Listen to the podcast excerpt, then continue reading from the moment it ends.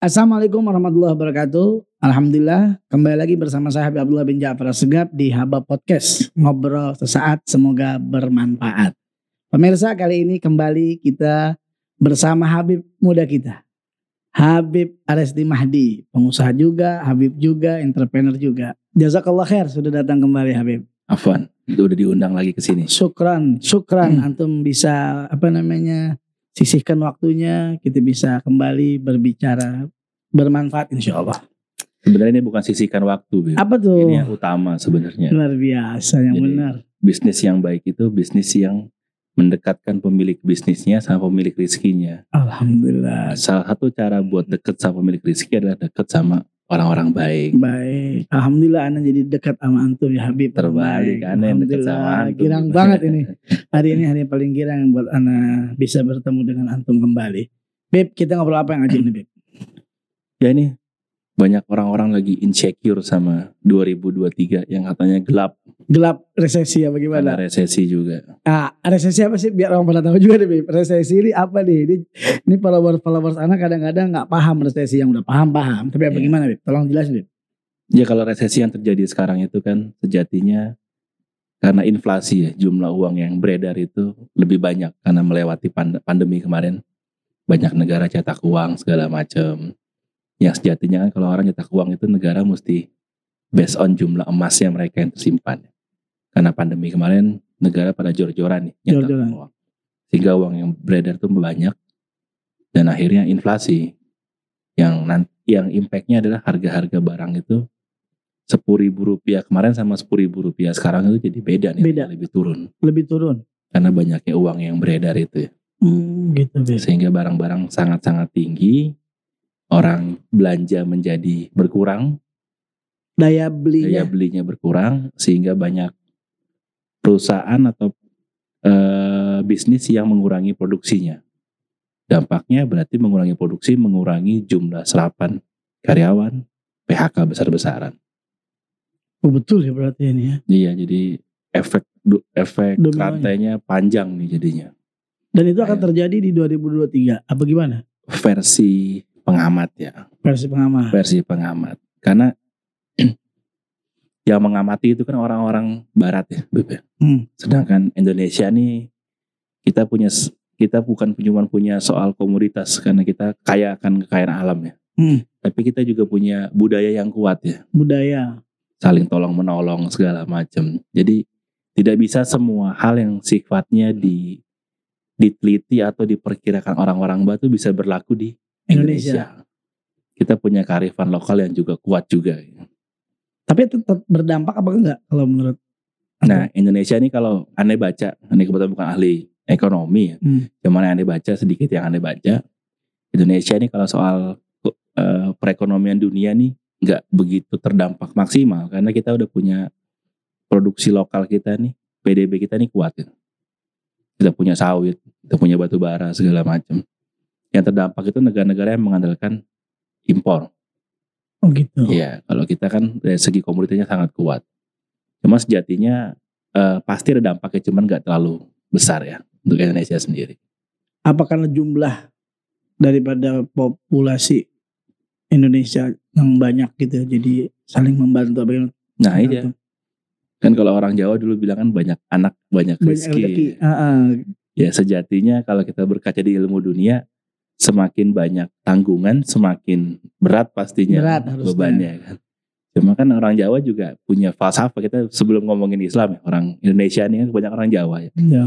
mereka kan banyak anak banyak rezeki kan karena emang setiap anak atau setiap orang itu ditanggung rezekinya sebenarnya Ada masing-masing rezekinya. ada masing-masing rezekinya masing-masing jadi sejatinya sih eh, berdampak iya cuman nggak terlalu signifikan ya Oh gitu. Hmm. Tapi apa menurut antum nih untuk cara menghadapi itu? Ini ada pertanyaan dari Diana Putri. Hmm. Cara menghadapi resesi gimana, Bib? ya guru-guru guru-guru aneh tuh pernah ngajarin ya kalau kita ngadepin sebuah krisis sebuah kekhawatiran itu yang pertama itu tenang dulu gitu Tenang. jangan gerabak gerubuk tenang dulu kan baca mata angin dulu kalau ada kapal kena badai ya sebelum panik tenang dulu baca arah ombaknya ke mana arah mata anginnya ke mana itu yang paling pertama yang kedua adalah baik resesi atau enggak kita mesti punya gaya hidup itu yang mesti biasa aja. Orang tuh memenuhi kebutuhan hidup, bukan memenuhi gaya hidup. Kebutuhan hidup. Ya, bukan gaya hidup sebenarnya. Banyak orang itu adalah fokus sama gaya hidup, handphone mesti yang baru segala macam. Betul, betul, betul. Dan yang ketiga, sekaligus kalau menurut aneh ini yang pertama ya. Yang pertama itu adalah kita ketika menghadapi isu atau apa pun namanya krisis, kita mesti yakin rizki kita udah ditentukan sama Allah. Ajib. Itu yang paling yakin ya. Jadi resesi itu tidak berpengaruh sama teori rizki, tidak ada soal di hadis atau di Quran bahwa rizki kita tergantung sama kebijakan pemerintah. Betul. Rizki kita tergantung sama keadaan ekonomi dunia atau geopolitik dunia ya. Rizki itu udah ditentukan sama Allah juga. Bukan berpangku tangan tapi sudah ditentukan. Nah untuk menjaganya gimana? Berbagi. Oh berbagi. Kita dari kecil di- didoktrin ketika sekolah. Ada dua hal yang doktrin yang agak berbahaya buat aneh. Apa tuh? Bukan agak ya, sangat berbahaya. Sangat berbahaya. Apa itu? Pertama itu adalah hemat pangkal kaya. Hemat pangkal kaya. Nah di agama kita diajarkan bukan hemat pangkal kaya. Tapi sedekah yang pangkal kaya. Betul betul. Jadi hemat pangkal kaya ini menghidupkan satu budaya hidup yang pelit. pelit. Tidak mau nolong orang, tidak mau membantu orang. Tidak mau memberikan tangannya buat orang. Dan yang kedua, ketika kita ngomongin soal hemat pangkal kaya adalah kita berburu-buru, berbondong-bondong, menaruh uang di bank. Betul. Kalau Anda, Harusnya uang jangan di bank ya. kalau Anda sering tanya sama orang, sama teman-teman kalau ngisi wirausaha nih sama teman-teman nih, Hmm. kalian percaya eh, Allah nggak? Oh jelas Percaya. percaya. Percaya Quran nggak? Percaya. Jelas. Iya. Tahu ada ayat Al-Quran yang bunyinya barang siapa bersedekah like yang menanam tujuh butir, Ya, tujuh setiap butir. ada seratus bulir. Hmm. Oh ya percaya, Allah nggak mungkin salah. Kalau percaya harusnya setiap bulannya uang kalian yang disedekahkan lebih banyak daripada yang diparkir di bank. Nah, oh, harusnya begitu. Harusnya begitu. Tapi nyatanya kan nggak begitu ya. Nah sejatinya itu doktrin yang berbahaya. Doktrin yang kedua adalah harta nggak dibawa mati. Padahal harta di bawah Padahal mati. harta dibawa mati, cuman bukan kita yang bawa. Umroh kan bawa pakaian, Bib. Betul. Kalau kita umroh di ABD kan bawa pakaian, cuman bukan kita yang bawa. Betul. ke pesawat bukan kita. Betul. Jadi sejatinya kalimat-kalimat begitu seakan-akan tuh ngejar dunia aja. Dunia aja. Harta dinikmatin aja. Nah harusnya kita mesti lawan isu resesi ini dengan cara yang udah disesuai sama tuntunannya baginda Rasulullah SAW yaitu berbagi Berbagi. sedekah. Cara kita defend, proteksi keuangan, proteksi rizki dengan cara Zakat. zakat dihidupkan, sedekah dihidupkan lagi, Kalau yang anda tahu sedekah adalah investasi. investasi, Zakat adalah proteksi. proteksi. Zakat kan yang wajib ya. Kalau enggak dikeluarin zakat mal atau zakat Iya. fitrah itu bisa menggerogoti. dan menggerogoti. Jadi itu yang mesti dikeluarkan. Kalau potensi zakat kita semuanya pengusaha sepakat ngeluarin zakat itu ekonomi itu selamat. Selamat ya. Kan selamat kok. Jadi sekarang apa kita mau mengikuti anjurannya Barat? Apa kita mau ikuti anjurannya baginda Rasulullah yang clear asetnya Abdullah bin Auf, Utsman bin Affan itu tumbuh terus gara-gara makin sedekah makin tumbuh lagi, makin sedekah makin tumbuh lagi. Jadi anda berdoa mudah-mudahan orang-orang yang seperti antum ini banyak. Amin. Sehingga bisa memotivasi orang-orang Iya. yang bersedekah. Ya, seperti kemarin tuh yang luar biasa antum posting siapa? Eh, Ko Stephen, Coach Steven. masya Allah. Itu gimana tuh, Bu? Ceritanya boleh sedikit karena antum kan orang dekat juga bersama beliau. Sebenarnya Biar motivasi orang. Iya. Jadi masya Allah beliau tuh mualaf dari usia 19 tahun. Beliau meninggal di usia 43 tahun. Hmm. Berarti beliau sudah 42 tahun. Beliau sudah hidup sebagai Islam itu 23 tahun. Dan sudah bangun 970 masjid. 970 masjid. Jadi kalau ada rata-rata itu 23 tahun eh dibagi 23 tahun dibagi masjidnya mereka dia yang beliau bikin itu satu bulan tuh tiga masjid. Sembilan tiga masjid. Iya, sebulan beliau yang baru Islam umur 19 dan tanpa guru orang tuanya keluarganya udah bangun tiga masjid setiap per bulan. bulan. Kita setiap bulan jangan kan bangun tiga masjid. Sholat di masjid aja belum tiga kali setiap bulan. Ya, empat kali lah minimal sholat Jumat ya. Ini yang luar biasa motivasi-motivasi seperti ini yang memecut Iya. ya. Kalau kalau kita baca kitab tuh kitab eh ya Ulumuddin, kitabnya Imam Ghazali, Imam Ghazali. memecut. Terus gimana, Beb? Terus beliau nih Yang kedua tuh beliau anak orang kaya jadi emang membuang diri tanda kutip membuang diri dari gemerlapnya dunia itu buat belajar Islam, tumbuh sebagai seorang muslim, mempelajari bisnis itu gimana muslim mesti, mesti tangguh berdiri di atas kakinya sendiri untuk bisa support agama. Jadi jangan orang hidup dari dakwah. Cuma Betul. harus menghidupi dakwah. Ajib. Setuju Beb tuh Ana. Setuju. Setiap bisnisnya beliau itu kayak beliau bikin jogger, jogger coffee itu itu sistemnya itu bagi hasil sama tim di tempatnya. Hmm. Jadi mau bagi hasil itu sistemnya Usman bin Affan kalau kata beliau. Jadi setiap karyawan yang ada di tempat tersebut sekaligus sebagai pemasar, sebagai penjaganya juga karena mereka tahu ketika omsetnya naik mereka dapat, ketika omsetnya turun atau ada yang hilang, ada yang apa, mereka ikut tanggung juga. Jadi mereka akan menjaga sekaligus punya jiwa memiliki juga. Itu caranya gimana Beb? Biar supaya punya jiwa memiliki itu. Ya ya apa istilahnya dibina ya terbiahnya terbiah. mereka semua ya bahwa gimana bisnis kita semakin omsetnya bagus semakin kita bisa memberi orang Makin lebih banyak. kalau yang umum kan makin bagus bisnisnya makin memperkaya ownernya ya Hmm. harusnya kan kita mesti bangun ke mereka semakin banyak semakin besar bisnisnya makin banyak cabangnya cara nggak langsung kita makin bisa mensupport agamanya Allah kan Ajib. Kembali lagi Beb kepada Coach Stefan tadi terus. Antum tahu gak sih kenapa awal pertama kali beliau mualaf kalian tuh pernah baca atau pernah ngobrol sama beliau? Aneh kurang tahu karena ngobrol sama beliau bingung ya orangnya saking sangat pinternya sama beliau gitu. Hmm. jadi apa namanya aneh tidak pernah bahas soal itu cuma aneh bahas soal prinsip hidupnya beliau Oh, paling prinsip sering hidup. jadi beliau punya kalimat sakti yang itu diingat sama orang itu di hidup ini nggak ada yang boleh diseriusin nggak ada yang boleh tergesa-gesa kecuali surat soal sholat karena hidup kita itu aktivitas hidup kita cuma mengisi di antara waktu sholat. Sholat itu mesti on time.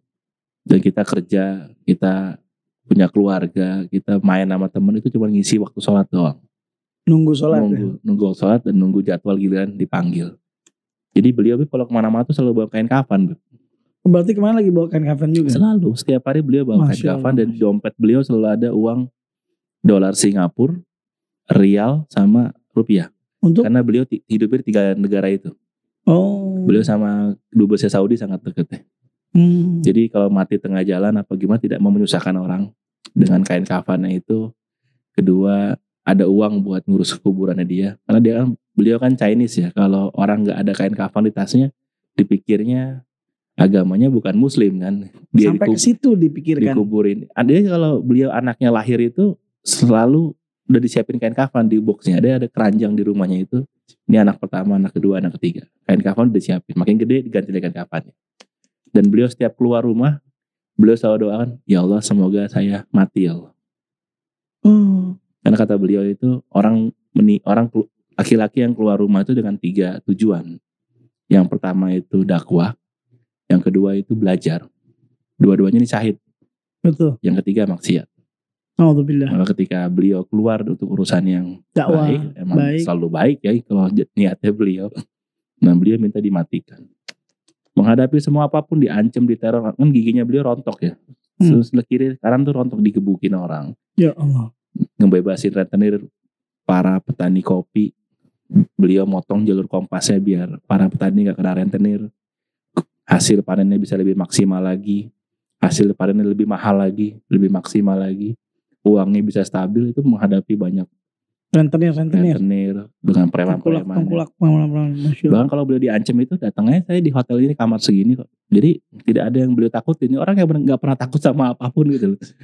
Sangat sama polisi pun kalau apa pun ya selama itu benar ya beliau persuasi dan banyak juga polisi juga yang mendengar juga gitu loh. Ajib. Jadi terhadap siapa pun beliau fine fine fine aja untuk menyuarakan kebenaran itu nggak ada.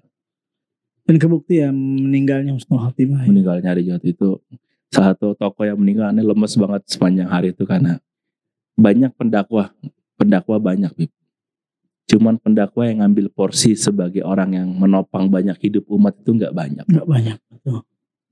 mungkin nggak banyak yang aneh tahu yang aneh tahu saat ini dua orang ya pertama Ko Stephen Indra Wibowo itu pertama kedua Ustadz Lukmanul Hakim Munzalan Hmm. Pontianak itu dua orang yang aneh fokus dakwahnya malah belakang panggung Iya. memberi orang. Ko Stephen itu kalau nggak salah yang kita tahu ya pasti orang orang orang-orang baik itu yang diketahuin sama yang nggak diketahuin banyak yang nggak diketahuin. Betul. kelihatan beliau beliau ini sumbang satu masjid padahal di belakang dia udah bangun berapa masjid Betul. yang yang anak tahu itu kurang lebih udah jutaan ton beras yang udah dibagiin sama beliau jutaan ton ya bukan jutaan kilo Ton. jutaan ton beras yang udah dibagiin ke orang. Itu baru berasnya. Ngasih makan apa lagi? Bantuin orang nggak bayar sekolah transfer pribadi. Beliau udah ngasih 5,3 juta Quran terbitan Madinah disebar seluruh Indonesia. 5,3 juta itu kalau pernah ngobrol sama beliau nilainya berapa kok kurang lebih setengah triliun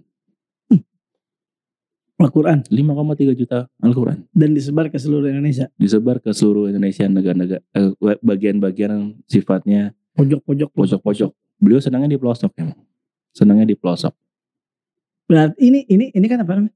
Eh, kebukti dong yang tadi resesi itu bisa apa namanya eh, dengan cara berbagi. berbagi Dengan berbagi cost ini nggak ada sedikit pun setiap ada acara dakwah kekurangan. pasti ngasih itu tiga digit dua digit itu enteng uang buat beliau tuh enteng termasuk ketika acara hijrah fest itu cancel kan selang beberapa jam sebelumnya diumumkan cancel Hmm. banyak pedagang yang udah siapin makanannya itu Hmm. beliau borong beliau bagiin lagi jadi anda teringat apa pernah ada orang yang ke Rasulullah nanya amalan apa yang paling dicintain sama Allah selain ibadah wajib ya Hmm. Rasulullah menjawab yang paling dicintain sama Allah adalah membahagiakan hati orang-orang mukmin Ya, itu kalau surur.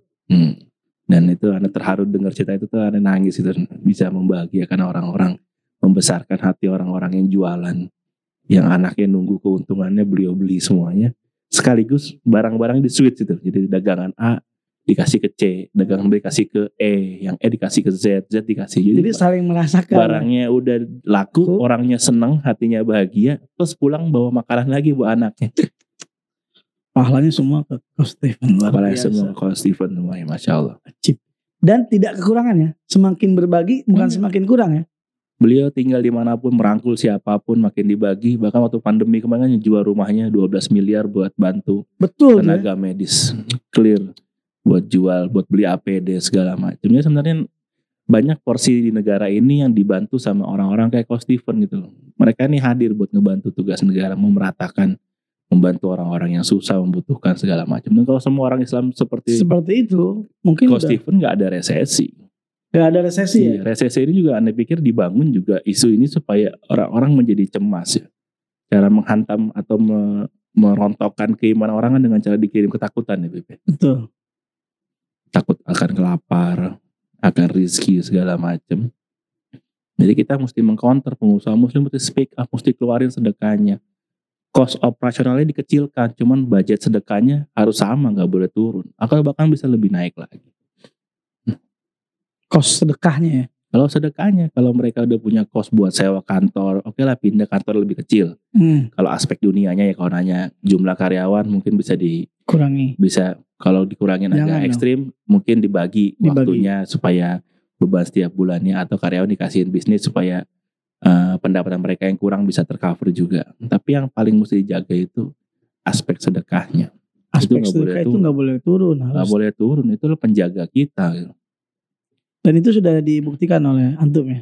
Wah, aneh, sedekah itu udah ceritanya orang udah banyak, aneh, aneh meyakini salah satu guru aneh bilang dua amal soleh yang kita lakukan dalam kondisi maaf kondisi paling kotor pun kita lakukan habis mabuk apa habis eh, belum mandi hadas atau apa pun itu keterimanya paling gampang yang per- yang nomor dua itu sedekah yang nomor satunya itu sholawat Luar biasa ya sedekah ya. Padahal berat banget itu Nih, untuk sedekah karena memang pahalanya gede. ya pahalanya gede emang Padahal buat dia sendiri dunia akhirat ya. latihan sih Beb dari yang kecil dulu ya. Kayak contoh, dimisalkan ketika guru aneh pernah nanya sama aneh kalau kalau aneh min- antum punya dua ekor ayam, aneh minta satu boleh nggak? Oh boleh dong. Ambil aja guru nggak ada masalah kok. Ambil aja stat nggak ada masalah. Kalau kelak nanti Allah angkat antum ke permukaan, antum punya uang satu triliun, aneh minta 500 miliar boleh nggak? Nah mikir itu. Padahal nilai satu ekor ayam berbanding dua sama 500 miliar berbanding satu triliun sama-sama setengah Beb. Sama-sama setengah. Cuman ketika ketika jadi satu triliun itu orang biasanya mikir sama angka. Padahal dia bisa dapat satu triliun karena dia terbiasa latihan punya ayam dua dibagi satu, dibelah dua kan istilahnya. Dia namanya terima kasih tuh konsepnya kalau kita dikasih min- terima, terima minuman, kita kasih lagi ke orang. Konsepnya terima kasih itu habis terima, kasih lagi, terima, kasih lagi. kasihnya kasih yang itu apa gimana? Jadi bebas yang itu. Kadang kita ngasih kan bukan barang layak pakai, layak buang. Beb. Hmm. Karena terbiasa turun ke tempat-tempat bencana di relawan siaga, Hmm. karena sama apa organisasi bentukannya Pak Sandi buat ngebantu para relawan mempersiapkan relawan turun ke Hmm. lokasi. Hmm. Nah di sana tuh banyak orang ngasih barang itu barang layak buang bukan layak pakai. Oh. Harusnya kan layak pakai dong. Harus layak pakai. Harusnya yang kita kasih itu yang terbaik. Tapi kebanyakan dari kita termasuk juga anak Yang udah bekas. dapat buah aneh nggak suka asem aneh kasih orang Hmm. dan merasa bahwasanya aneh tuh orang baik banget. Iya, iya, iya, iya. Padahal tuh buang sisaan atau buah yang nggak enak rasanya. Kasih barang yang bagus kita kasih yang bagus. Dapatnya dua kita bagi dua kita belah dua. Luar biasa, luar biasa. Jadi itu ya, apa namanya menyikapi resesi ini yang pertama itu pastinya harus berbagi ya, Bib ya. Berbagi itu yang pak. Jadi kalau anak muda sekarang Bib kalau bikin proyeksi keuangan kan, kalau dapat gaji dapat ini pertama ngapain? Pertama pasti kan belanja, healing, belanja. Pada healing itu biasanya buat orang gila sebenarnya. anak sekarang pakainya kata healing itu buat liburan ya. Vaca- Vacation tuh vacation, healing itu buat orang-orang stres, orang-orang gila. Kenapa dipakai buat Nah, sekarang? kayaknya itu dia. Jadi kita kerja siang malam, capek, stres, dapat duit buat ngilangin stres. itu kerja apa dikerjain kan? Ini pada pertanyaan nih dari Husnul Wahid. Cara apa usaha makanan saya laku? Apakah pasar kan ke online atau offline? Dari Husnul. Ya kan Iya. usaha nih. Jadi yang pertama kali orang bikin usaha itu jangan jual apa yang bisa kita bikin, Bib. Tapi bikin apa yang bisa kita jual. Pasar lagi perlu apa, kita mesti tentukan produknya. Jangan terbalik. Kita punya produk apa, kita paksakan nih supaya pasar nerima. Mau. Jadi carilah makanan sesuai sama eh, pasar perlunya apa. Bahkan Abdurrahman eh, Lawan Auf. Abdurrahman bin Auf waktu ke Madinah ya, ditanya sama sahabat, eh, engkau perlu support apa istilahnya gitu kan. Kalau mau istri, aneh ceraikan istri aneh nih satu nih. Kalau mau tempat tinggal ambil setengah harta aneh kalau nggak salah ambil. Gak usah tunjukin aneh pasar. Luar biasa. Tunjukin aneh pasar itu bukannya beliau pengen langsung jualan, bukan itu. Beliau pengen baca apa sih yang sedang market perlukan saat itu. Jadi kata-kata- baca market dulu. baca market kalau kata istilah Turki itu vini vidi vici saya datang saya lihat saya taklukkan jadi lihat dulu bukan langsung ujuk-ujuk bawa barang "Eh, ada pasar nih ada pasar lenteng nih, udah saya mau jualan buah buah yang dilaku yang laku di setiap daerah itu beda-beda ada yang Betul. sukanya tuh buah jeruk sukanya buah salak jadi yang pertama itu sesuaikan pasarnya eh, mbak apa abang ini perlunya Mbak. apa pasarnya baru kita sesuaikan yang kedua online atau offline Hmm. itu tergantung pasar kita adanya di mana. Kalau kita jualan kayak contoh produk aneh glek adanya baru di Pulau Jawa, aneh nggak mungkin iklan TV nasional karena Hmm. akan costly. Orang Papua lihat, padahal cabangnya glek di sana nggak ada. Ada. Orang Maluku lihat. Maka apa pun medianya sesuaikan sama marketnya. Karena orang-orang tua itu nggak aware sama sosial media. Kalau jualan kita makan makanan tempo dulu segala macam yang market kita adalah orang-orang tua, maka jangan pakai sosial media. Mereka nggak hadir di sana, mereka hadir di mana? Di koran, brosur. Mereka hadir di sana, pengumuman-pengumuman di masjid atau di mana, mereka hadir di sana. Jadi setelah tahu lini perangnya, pertama namanya segmen, kedua namanya target. Segmen itu arena perangnya. Target tuh orang yang mau kita tembak ya, mau Hmm. kita sasar. Kalau sudah tahu segmennya di mana, targetnya di mana, ya baru kita bikin produknya apa.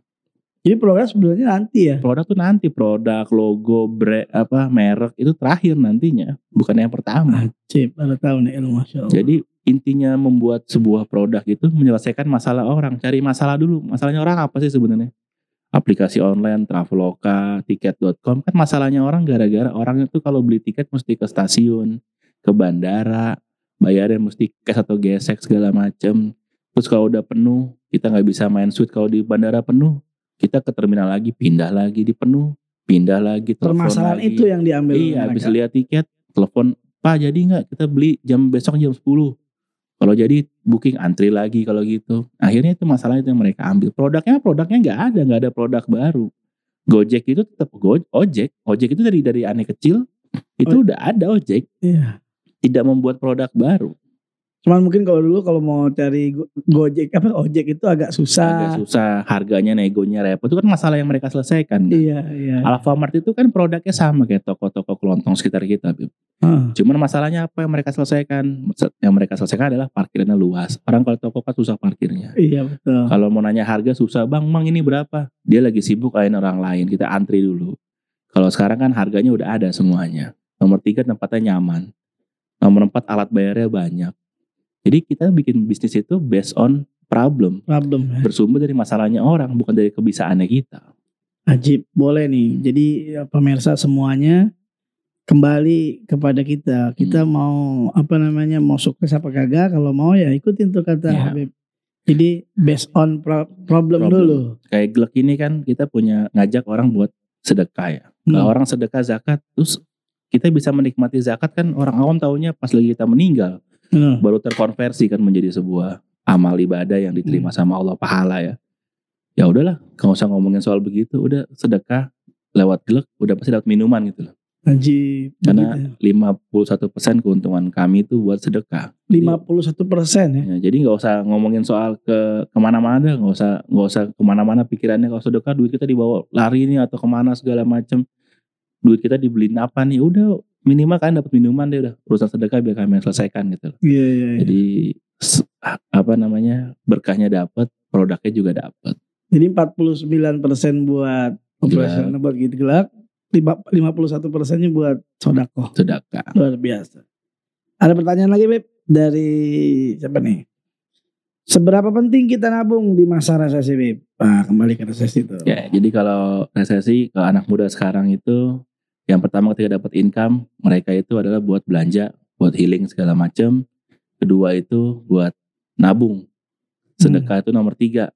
Nomor tiga, namanya nomor tiga itu biasanya jadi. beda ya. Kalau istri tiga empat biasanya paling dapat fasilitas tuh. iya, Karena iya. paling muda kan biasanya kan. Biasanya, Cuma iya. kalau sedekah ini urutan nomor tiga ini udah dapatnya sedikit, Bib. Nggak jadi. Yang jelek duitnya biasanya kan. Iya iya iya. Porsinya sedekah ini kita jajan dapat sehari kita keluar itu lima ribu misalnya kita jajan apa tiga ribu. Itu biasanya buat bagian sedekah itu dapatnya yang sedikit terus uangnya paling lecek tuh sedekah. Harusnya kita mesti balik memahami. Dibalik. Dibalik. Sedekah itu tuh nabung kata guru Anda tuh sedekah tuh kayak kita nabung. Cuman bedanya AT, bedanya ATM-nya di langit nggak kelihatan. Cuman bedanya ATM langit itu nggak perlu masukin kartu. Allah udah tahu kita lagi perlu apa turunin langsung. Karena malaikatnya jadi pengantarnya langsung. Kita pasti sering ngalamin, kita nggak sadar kita pasti sering ngalamin anak kita mau sekolah tiba-tiba uangnya ada. Padahal kita nggak megang uang. Mobil kita keserempet ada yang misalnya kayak antum ke bengkel ternyata bengkelnya muridnya antum gitu istilahnya kan. Jadi banyak kayak begitu kita tuh nggak sadar. Kalau abahnya bilang tuh orang kaya itu bukan orang yang tabungannya banyak. Cuman orang yang kalau dia perlu itu ada. Ada. Itu orang kaya. Itu orang kaya. Karena orang tabungannya banyak pas lagi dia perlu belum tentu Belum ada. tentu ada. Karena yang bikin dia ada tuh manusia. Tapi kalau orang kaya sesungguhnya itu orang ketika dia perlu tuh ada. Ajib, ajib. Maka soal tabungan itu dibalik konsepnya. Ketika orang dapat duit, yang pertama kali adalah sedekah. Itu harus membaliknya dengan mindset kali ya. Harus dengan mindset. Nah, sedekah itu nabung nggak bakal hilang. Kalau kita nabung di, kalau kita deposito di bank dengan bunga 6%, kita yakin nggak bahwa setiap bulan bunga bank akan ngasih bunga segitu? Iya itu dia. Nah, pasti ini yang yakin. ngomong manusia. Karena kalau banknya kebakaran, banknya ludes, kayak kemarin krisis moneter 98 banyak bank tutup, Atau akan dibayar? Bang. Iya susah. nggak dibayar kan? Makanya ada lembaga penjamin simpanan itu LPS. Iya. Nah, nah kalau sekarang Allah yang menjamin, emang Allah pernah bohong. Satu-satunya yang Allah nggak bisa kan kita tahu ya, atu-atunya hal yang Allah nggak bisa yaitu tidak menepati janjinya. Betul. Iya, kalau Allah udah ngomong barang siapa bersedekah itu bertumbuh. Nah, kita percaya apa enggak? Masalahnya percaya sama Quran. Kamu kalau percaya lakukan. Jadi bagian pertama ketika kita dapat rezeki adalah sedekah. Karena insya Allah setiap orang ngundang, aneh nggak pernah mentarifin segala macam. Cuma ketika mereka ngasih sesuatu, aneh pertama kali itu sebelum kasih ke harim atau aneh eh, dipegang sama harim, aneh pasti sedekahin dulu. Wajib. Eh, aneh zakatin dulu, keluarin dulu. Jadi Allah tuh mesti dat bagian pertama. Kalau antum hari ini sebelum podcast beliin aneh makanan dan bagian terbaiknya aneh balikin lagi kayak ngasih makanan, pasti yang ngasih makanan seneng. Betul, betul. Apalagi Allah ya. Bagian pertama tuh buat Allah. Kedua tuh nabung. Cuman ingat nabung di dunia nggak boleh lebih banyak daripada nabung di akhirat. Jadi sebisa mungkin kayak prinsipnya Masjid Jogokarian tuh. Iya, Prinsipnya cakep tuh prinsipnya ya. Masjid Kapal Munzalan Pontianak. Saldo nol. Saldo selalu nol, biar terkonversi langsung. Saldo nol bukan nggak ada yang nyumbang. Saldo nol bukannya juga ngabisin buat stok susu, buat bukan kasih makan orang. Kasih makan anak yatim, kasih makan orang. Kalau dibilang bahwasanya orang-orang yang menyantuni anak yatim jaraknya kayak begini di surga sama Rasulullah kan. Betul. Ya logikanya kan nggak mungkin di surga, di dunia pun juga Rasulullah pasti dekat sama kita kalau kita dekat sama anak yatim. kan. Betul. Gak cuma di dunia doang maksudnya. Gak cuma di surga doang, di dunia juga. Jadi ketika di dekat sama kekasihnya Allah ya minta apa ya pasti dikasih. Ketika aneh dekat sama anaknya antum, kekasihnya antum, aneh minta apa aja pasti antum bakal bantu kok. Betul, betul, betul. betul. Jadi Rasulullah tuh penting banget. Jadi pertama tuh adalah sedekah, kedua nabung, ketiga baru buat kebutuhan. Kita balik mindsetnya. Yang kebutuhan malah Terakhir harusnya. Jangan cicilan kebutuhan berarti ya. cicilan itu berarti kebutuhan. Masalah cicilannya buat apa? Hal yang urgent. Hari ini pakai iPhone 14, emang iPhone sebelumnya nggak bisa buat hubungin orang. Betul. Hari ini pakai motor yang bagus, emang motor sebelumnya nggak bisa mengantarkan dengan jarak yang sama, dengan waktu yang sama. Jadi banyak kita tuh bukan memenuhi kebutuhan, tapi memenuhi gaya hidup. Gaya hidup yang tadi awal tuh bilang ya. Iya, Jadi ke, ke, ke- kelibet pepetnya di situ. iya. Gaya hidupnya tinggi tapi kemampuan gak ada. Hmm, Betul, betul, betul. Jadi kembali tadi ngomongin bahwa kalau ada rezeki harus Allah dulu didahulukan. Allah dahulukan. Kemudian Allah. yang kedua yang kedua nabung. nabung. Hmm. Tapi nabung akhirat itu Nabung, nabung itu bukan berarti nabung tuh di rekening bank ya. hmm, Nabung itu penabung kebaikan kita beliin buah buat guru-guru kita. Kita main ke rumah orang tua kita. Banyak kita nih pengusaha-pengusaha besar menjamu relasinya di tempat termahal, Bib. Iya. Jamu orang tuanya martabak pinggir jalan. Ah, itu repot. Ditelepon nama pembeli langsung diangkat. Telepon sama orang tua di reject. Itu yang repot. Itu. Iya. Jadi mindsetnya tuh diperbaikin. Itu yang susah tuh, Bib. Hmm. Bener. Kalau kita jamu relasi mungkin mindsetnya nanti bakal dapat. Dapat. Padahal orang tua itu duta besarnya Allah. Oh, Kita mau umroh aja ke rumahnya Allah di Mekah, kita mesti ke kedutaan besar Saudi. hmm. nerbitin visa Bib. Nah kita mau ke Allah ini ada duta besarnya juga jangan salah yaitu orang tua. Orang tua kita Orang dikasih loh masing-masing loh ya. Maka ketika aneh bilang Bib, ketika aneh bilang sama teman-teman banyak orang yang Bib minta amalan dong buat kaya, buat sukses. Ustadz minta amalan dong. Yes, ntar dulu amalan itu bakal bekerja kalau kita kalau kita udah bisa tembus yang buka pintunya. Bib minta oleh-oleh dong di Mekah dong, minta oleh-oleh dong di Madinah dong. Kita bisa ke Madinah kalau visanya keluar dulu. kita bisa dikabulkan soal sukses, soal kaya, soal sehat, soal jodoh. Kalau visa dari orang tuanya itu udah keluar dulu. Kuncinya ya. Ya, Kuncinya. banyak orang sama habaib, sama ustadz cium tangan bolak-balik, bawain makanan berat. Sama orang tuanya malah ditinggal. Ikut kajian sampai tengah malam, orang tuanya manggil. Ini keliru menurut aneh. Habaib, guru itu penting. Cuma orang tua tuh bukan kalah penting juga. Itu bukan sistem yang di bawah atau membawahi. Semuanya itu sama penting. sama. Betul. Sama pentingnya. Cuma bedanya posisi orang tua depan buka pintu dulu. Tapi semuanya penting semuanya. Betul, betul, betul, betul. Tuh ya. Menabung lewat orang tua bagaimana? kebaikan. Kebaikan ke orang tua senengin beliau, nabung kebaikan, bawain makanan yang enak, buah yang enak. Sedekah tuh ke orang lain, orang tua kan bukan sedekah. Hadiah. Iya hadiah ke orang tua kita. Cuman kadang-kadang ya itu dia Beb suka lupa anak sekarang nih. Nah sekarang, Jasa-jasa dulu orang tua kita kan luar Iya. biasa. Lupa. Nah terus kembali lagi ke pembahasan resesi ini. Gimana kita sebagai pengusaha untuk menghadapi isu-isu yang bikin orang pengusaha ini bilang waduh gimana usaha saya gitu. Hmm. Gimana? Ya pastinya tadi kalau dalam soal teknis eh, pasti ada yang berubah, walaupun di Indonesia sendiri nggak terlalu signifikan banget karena kita punya ke- eh, apa pendapatan dalam negeri juga lumayan bagus juga ya. Tapi gimana menyikapi isu begitu? Yang pertama tetap berpegang pada keyakinan kita yang utama. Kalau usaha itu semua itu boleh hilang, boleh turun, omset naik turun, karyawan datang dan pergi, vendor berganti. Cuman satu yang nggak boleh berganti, nggak boleh berubah. Prasangka baik kita sama Allah ya. Husnuzan billah. Husnuzan, itu nggak boleh Allah. hilang. Tidak boleh hilang ya. Iya, Karena Allah pasti kasih rezeki, pasti. pasti kasih se- sebelum kita selesai kontraknya di dunia itu. Betul. Bahkan ketika orang psikolog ngajarin ke saya, saya pernah baca itu gimana supaya melatih mindset husnuzon ya. Jadi setiap ada hal yang tidak sesuai dengan harapan kita, selalu tanamkan pertanyaan dalam otak kita, ya Allah, ada pesan baik apa yang hendak engkau sampaikan ya Allah? Pesan baik apa? Pesan baik apa? Ban kita bocor, Betul. resesi, toko kita kemalingan, karyawan kita mencuri, partner kita ninggalin. Ya Allah, ada pesan baik apa yang hendak engkau sampaikan ya Allah? Betul, betul, betul, betul. menghadapi resesi adalah momen kita mengasah prasangka baik kita sama Allah. Husnuzan Husnuzon terus dalam segala hal ya husnuzan. dalam segala hal. Bahkan terutama rezeki. Terutama rezeki. Allah yu'ti wa la yubali. Allah kasih tanpa mempedulikan. Allah kasih aja udah Hmm. kasih. kasih. Betul, betul, luar biasa. Wa ma min dabatin fil ardi illa 'ala Allah rizquha. Hmm. Ya enggak? Setiap hmm, apa namanya hewan melata di muka bumi ini pasti udah ada tanggungan rezekinya dari Allah Taala. Husnuzon ya. Luar biasa resesi nih, Beb. Terus antum gimana gelak gimana untuk menyikapi itu? Terus aja jalan aja. Ya selama jalannya lurus, jalan lurus, selama gelek dan teman-teman masih terus menjalankan eh, kewajiban kecintaan kita, kita sholat, kita ngaji, kita zakat, selama jalannya lurus, jalan terus. Ada berapa outlet lu 47 lah, Beb. di seluruh Indonesia? masih di Pulau Jawa plus Pontianak satu, Oh di Pontianak ada. Pontianak satu. Di Pulau Jawa, Jakarta paling banyak kali ya.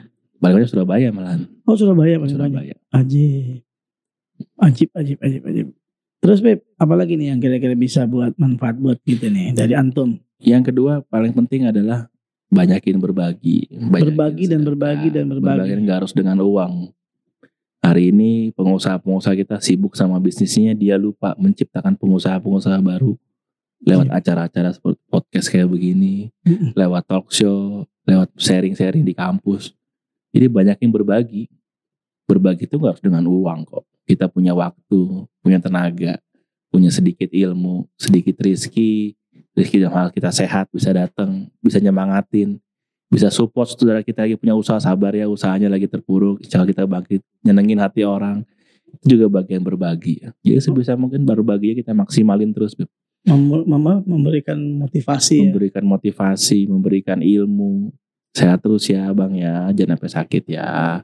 Eh insya Allah bisnisnya besar kok, kayak gini kok.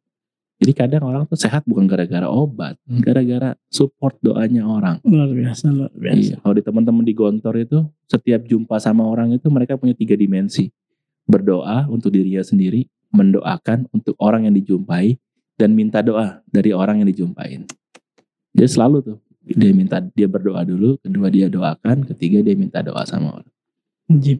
Dia tugas kita berbuat baik aja. Bahkan di surat salah satu surat di Quran yang jadi pegangan aneh ya Beb ya. Hmm. Surat An-Nur ayat 55 yang artinya itu kurang lebihnya Allah berjanji kepada orang-orang yang beriman dan beramal soleh kedudukan, sebuah kedudukannya. Artinya apa? Tugas kita bukan ikhtiar. Kita nih bukan SOP suruh ikhtiar lu kerja baru doa sama lo enggak. Tugas kita tuh yakin dulu beriman. Yang kedua berbuat baik sama orang, beramal soleh. Bikin senang orang, diundang datang. Aneh diundang, aneh datang ke sini dikasih makan sama antum, dihadirkan klub ini kan bagian antum menyenangkan orang. Luar biasa. Jadi tugas kita cuma begitu aja. Bahkan aneh punya teman itu sampai sekarang tuh aneh nggak tahu dia tuh usahanya apa petantang petenteng. Cuman dia punya kebiasaan itu setiap datang ke kantor temennya, eh beb karyawan antum berapa beb? Ini yang di kantor manajemen 32 Langsung tiba-tiba dia pesan ojek online kirim makanan. Oh, Ntar dia sore pindah lagi kantor temennya lagi. Berapa karyawan antum sih? Dibelinya dikirim. Itu tu- tugasnya bikin girang orang aja. bikin seneng orang. Tapi tetap datang pakai mobil mewah terus. Dan ini sekarang nggak tahu dia tuh usahanya apa sebenarnya. Di sosmed nggak tampil, nggak tayang. Cuma kerjaannya begitu. Ada berapa? Main ke rumah temennya. Ada berapa sih ini bapak, ibu lu semuanya? Sama pembantu. Bapak kirimin makanan tiba-tiba pizza gede, tiba-tiba ngirimin fried chicken segala macam. Jadi kita disuruh yang pertama itu yakin, kedua ya bikin baik orang. Bikin baik orang. bikin baik orang bikin senang orang bikin girang orang Dan itu tidak mengurangi apa yang dia punya. gak Bahkan akan ngurangi nambah. bahkan nambah Bahkan buktinya udah banyak ini. baktinya udah banyak emang kita nggak yakin ah dia mah ustadz enggak aneh pastikan bahwa aneh bukan ustadz aneh pun juga punya masa lalu punya masa lalu yang tidak baik-baik amat cuman dua amal soleh yang ketika kita bikin dalam kondisi apa pun, Apa pun diterima oleh Allah Subhanahu itu pasti diterima sama Allah. Nomor dua itu sedekah. Sedekah. nomor satu itu sholawat. Semua ibadah mengikuti baginda Rasul. Satu amalan ini mengikuti Allah langsung yaitu sholawat ya. Hanya Allah yang bersolawat sama Rasulullah. Tapi masya Allah ya, solawat dan sedekah ini. Iya. Anda punya teman di Bengkulu, Anda diceritain beberapa kali, cuma Anda mau ketemu sama beliau nih, mudah-mudahan punya kesempatan ketemu sama Amin. beliau. Kenapa? Amalan beliau itu sholawat, setiap karyawannya KPI-nya, kayak perform index atau syarat wajib ya, setiap hari sholawat. Penerimaan karyawan dikasih zikir counter. Jadi Hmm. setiap karyawan mesti sholawat. Dan dia punya amalan rutin itu adalah membeasiswakan cucunya Rasulullah, Alul Bait, Alul Bait, dibeasiswakan sama beliau. Beasiswa untuk Beliau nggak sekolah, sekolah. jadi beliau tuh gak pernah ikut training. Ikut training dia main ini ketawa-ketawa nanya soal yang lain gitu loh. Kayak pernah satu momen beliau training nah, udah panjang lebar terus beliau ngasih pertanyaan suruh tanya sama coachnya. Aneh mau nanya coach, coach itu bisa punya istrinya empat itu gimana caranya? Jadi orangnya nggak serius di soal materinya malah ngomong yang lain gitu. Karena emang orangnya nggak demen training, nggak demen apa. Cuman bisnisnya kebetulan umroh bisnisnya bertumbuh terus. Pegangan beliau cuma sholawat sama sedekah sedekahnya beliau langsung cucunya Rasulullah. Sedekah cucunya Rasulullah lagi kan ngasih hadiah. Cucunya Rasulullah kasih hadiah buat beasiswanya ngurusin. Itu tuh powerful banget. Sampai sekarang masih. sampai sekarang dan usaha selalu bertumbuh. Eh, per kalau nggak salah lihat data tuh per tahun itu minimal 4.000 orang umroh Oh, tempatnya beliau. Dan beliau bukan di kota besar ya di Bengkulu. Di Bengkulu. Tapi emang kalau orang umroh jamaah kebanyakan dari daerah. dari daerah Karena semangat umroh itu dari munculnya dari daerah. Kalau dari kota itu rata-rata banyak nanya-nanya dulu. semangatnya semangat liburan Semangat staycation liburan. Iya. kalau mereka kalau di luar ke daerah itu luar biasa semangatnya pengen umroh. Jual sawah untuk umroh. Jual eh, tanah buat haji. Iya. Gitu. Kalau di sini jual tanah jadi tanah lagi Hmm. buat kontrakan. Kontrakan. Jadi mindsetnya juga udah beda tuh. Mindset orang kota dengan mindset orang orang daerah dalam itu beda juga, masya Allah ya. Tapi luar biasa dah. Tapi perlunya orang-orang seperti antum nih untuk speak up biar memotivasi. banyak orang tuh sedekah ah sedekah mah gak usah tunjukin disembunyiin aja disimpan aja lah udah biar cukup ya kalau semua disimpan bagaimana anak-anak muda terinspirasi ya hari ini kita dengar berita-berita pemerkosaan pembunuhan segala macam kita bacanya biasa aja Bib. antum baca berita gitu bawa apa biasa aja Mm-mm. biasa aja kan Iya, karena udah sering kan ya. udah sering. Lalu kalau kita baca soal misalnya karyawan ABD mengembalikan tasnya eh, pembeli ABD Aneh tuh. 50 juta isinya, langsung tuh nih orang baik nih heboh. Baik nih, hebat nih. Kenapa berita-berita seperti itu menjadi heboh? Karena banyak berita baik itu nggak mau diangkat ke permukaan. Harusnya diangkat. Harusnya diangkat banyaknya orang ria. jahat. Banyaknya orang jahat itu bukan gara-gara kejahatan yang makin banyak, cuma banyaknya orang baik yang Diam. diam. Kalau ngangkat soal ria segala macam, kalau kata guru aneh juga yang lain, kalau kita berpikir begitu sebenarnya kita sedang ria sebenarnya. Betul. Hmm, jadi nggak usah dipikir. Tarkur Haters, ria, ria. Iya. Tarkur ria, ria. haters gonna hate. Yang benci bakal benci. Yang seneng bakal seneng. Jadi selama niat buat Allah sih jalannya lurus, jalan terus aja sih. Gak usah pusing sama kayak begituan. Ya khair Bib, jazakallah khair. Penutupnya Bib, karena memang sudah ini. Hmm. Boleh ditutup dengan kata-kata mutiara yang bagus dan memotivasi kita anak-anak muda khususnya ya. Hmm. Yang mau usaha ataupun bagaimana tuh Bib? Silahkan. Oke, dasarnya kita semua hidup kita pengen menjadi atau mengikuti Rasulullah semuanya. Betul Bib.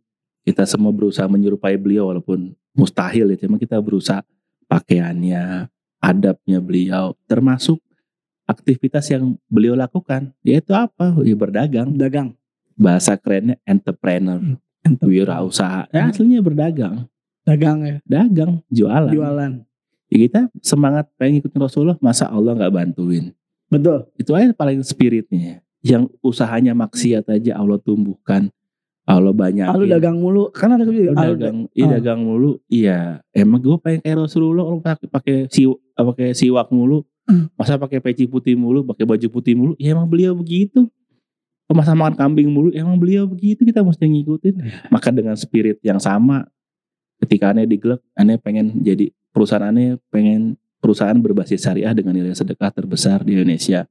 Kenapa sedekah? Ya aneh pengen ke sorga. Kenapa ke sorga? Aneh mau ketemu sama abah sama umi di sana. Aneh mau ketemu. Jadi spirit itu bikin aneh ketika jatuh, katanya mau ketemu sama abah sama umi. Jadi naik lagi. Maka ketika kita berdagang, spiritnya adalah mau jumpa sama baginda Rasulullah, ya harusnya itu Terus berjuang. kepala jadi kaki kaki jadi kepala gitu loh bukan dunia spiritnya kita pengen kayak Rasulullah kita pengen sedekah kayak beliau kita pengen bisa siar umat kita pengen menghidupi dakwah bukan hidup dari dakwah kita Nah. pengen contoh beliau kita pengen deket sama beliau kita pengen dicintai sama beliau nah semangat itu ya karena beda beda niat beda semangatnya Bib. Tapi kalau niatnya udah karena Allah karena Rasulullah itu udah niat terbaik tertinggi termuliakan paling keren. Jadi nggak usah takut namanya dagang itu nggak usah takut.